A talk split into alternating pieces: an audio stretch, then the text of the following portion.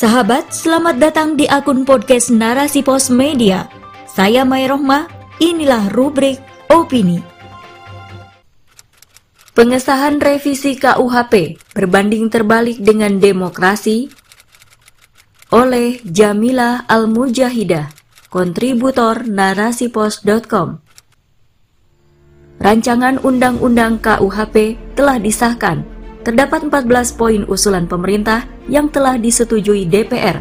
Poin-poin yang diangkat dalam rancangan undang-undang tersebut adalah isu tentang the living law atau hukum pidana pasal 2, isu tentang pidana mati pasal 200, isu tentang pidana karena memiliki kekuatan goib, isu tentang unggas dan ternak yang merusak kebun yang ditaburi benih pasal 278 sampai 279, isu tentang tindak pidana contempt of court pasal 281, isu tentang penodaan agama pasal 304, isu tentang penganiayaan hewan pasal 342, isu tentang alat pencegahan kehamilan dan pengguguran kandungan pasal 414 sampai 416, isu tentang gelandangan pasal 431, isu tentang aborsi pasal 469 sampai 471, isu tentang perzinaan, pasal 417, isu tentang kohabitasi, pasal 418, isu tentang perkosaan, pasal 479. Pengesahan RUU KUHP sungguh meresahkan rakyat. Bagaimana tidak?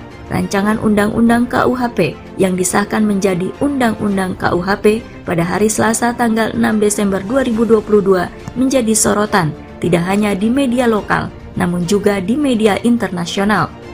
Sanksi bagi pelaku seks di luar nikah yang menjadi sorotan dianggap akan mengurangi nilai investasi terutama di sektor pariwisata. Bahkan, undang-undang tersebut juga dianggap menjadi pukulan mundur terhadap HAM di Indonesia. Tak hanya itu, dalam proses pengesahannya yang hanya dihadiri 18 anggota DPR, 108 anggota secara virtual, 164 orang izin seolah memperlihatkan DPR menganggap RKUHP ini hanya main-main belaka. Dilansir republika.co.id, Direktur Eksekutif Amnesty International Indonesia Usman Hamid menyatakan, RKUHP saat ini begitu kontroversial dan telah melampaui batas. Tak hanya itu, Usman menyatakan bahwa jaminan hak asasi manusia secara efektif telah dilemahkan oleh pengesahan undang-undang ini. Jika ditarik benang merah, dapat disimpulkan bahwa pemerintah saat ini secara otoriter membatasi kebebasan berperilaku rakyat sehingga menunjukkan adanya kontradiksi dengan prinsip demokrasi yang dianut. Padahal, sebagai pilar demokrasi, kebebasan berperilaku seharusnya dijamin dalam sistem sekuler demokrasi selain juga kebebasan berpendapat, kebebasan kepemilikan, dan kebebasan beragama. Dalam sistem demokrasi, pihak berwenang harusnya menjamin kebebasan berperilaku rakyat. Namun pada kenyataannya, hal itu hanyalah sebuah isapan jempol semata. Contohnya, dalam undang-undang yang baru saja disahkan, sudahlah mendapat penolakan dari para liberalis namun tetap saja pengesahan dilakukan. Hal ini menunjukkan inkonsistensi pemerintah dalam pembuatan undang-undang terhadap sistem demokrasi itu sendiri. Jika begitu keadaannya, keadilan seperti apa yang ingin dicapai jauh panggang dari api. Kesemrawutan sistem sekuler demokrasi dalam membuat produk hukum pidana bukanlah hal yang baru.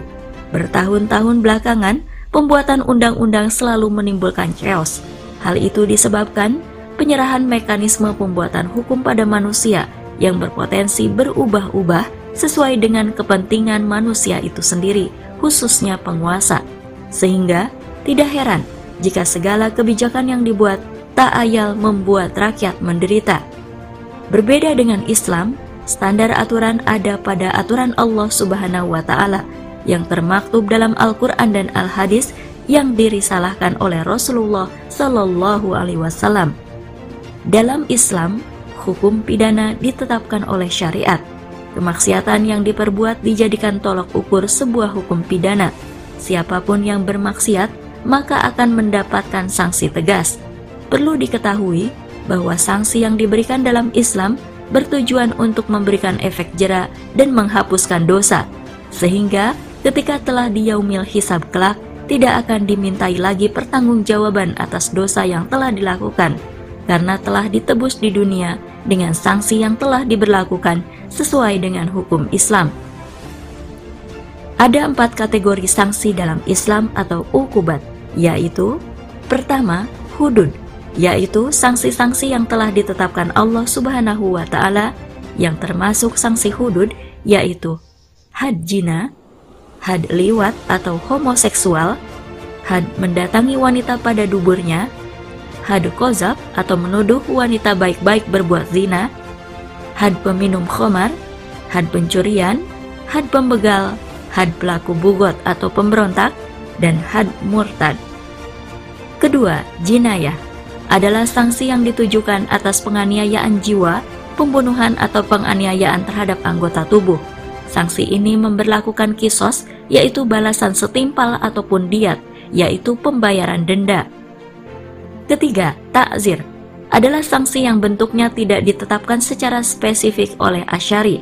Dalam takzir, menerima pemaafan atau pengguguran sanksi oleh hakim, bentuk kejahatannya berupa pelanggaran terhadap kehormatan seperti perbuatan cabul, pelanggaran terhadap harga diri, perbuatan yang membahayakan akal, pelanggaran terhadap harta seperti penipuan, pengkhianatan amanah, penipuan dalam muamalat, pinjam tanpa izin, gangguan keamanan terhadap mengganggu keamanan negara, perbuatan yang berhubungan dengan agama dan jenis takzir lainnya. Untuk jenis sanksinya, diserahkan pada hakim yang pidananya boleh sama dengan sanksi hudud atau lebih rendah jinayah, dengan syarat tidak boleh melebihi keduanya. Keempat, mukhalafat adalah sanksi yang dijatuhkan oleh penguasa kepada orang yang menentang penguasa maupun orang-orang yang berhubungan dengan kekuasaan. Bentuk sanksinya diserahkan kepada hakim atau kodi. Inilah hukum yang digunakan selama 14 abad di dunia sampai khilafah runtuh pada tahun 1924. Hukum yang berasal dari Allah Subhanahu wa taala bukan hukum yang berdasar pada akal manusia. Sesuai dengan firman Allah Subhanahu wa taala, barang siapa yang tidak memutuskan perkara berdasarkan apa yang diturunkan Allah, maka mereka itu adalah orang-orang yang zalim. Quran Surat Al-Ma'idah ayat 44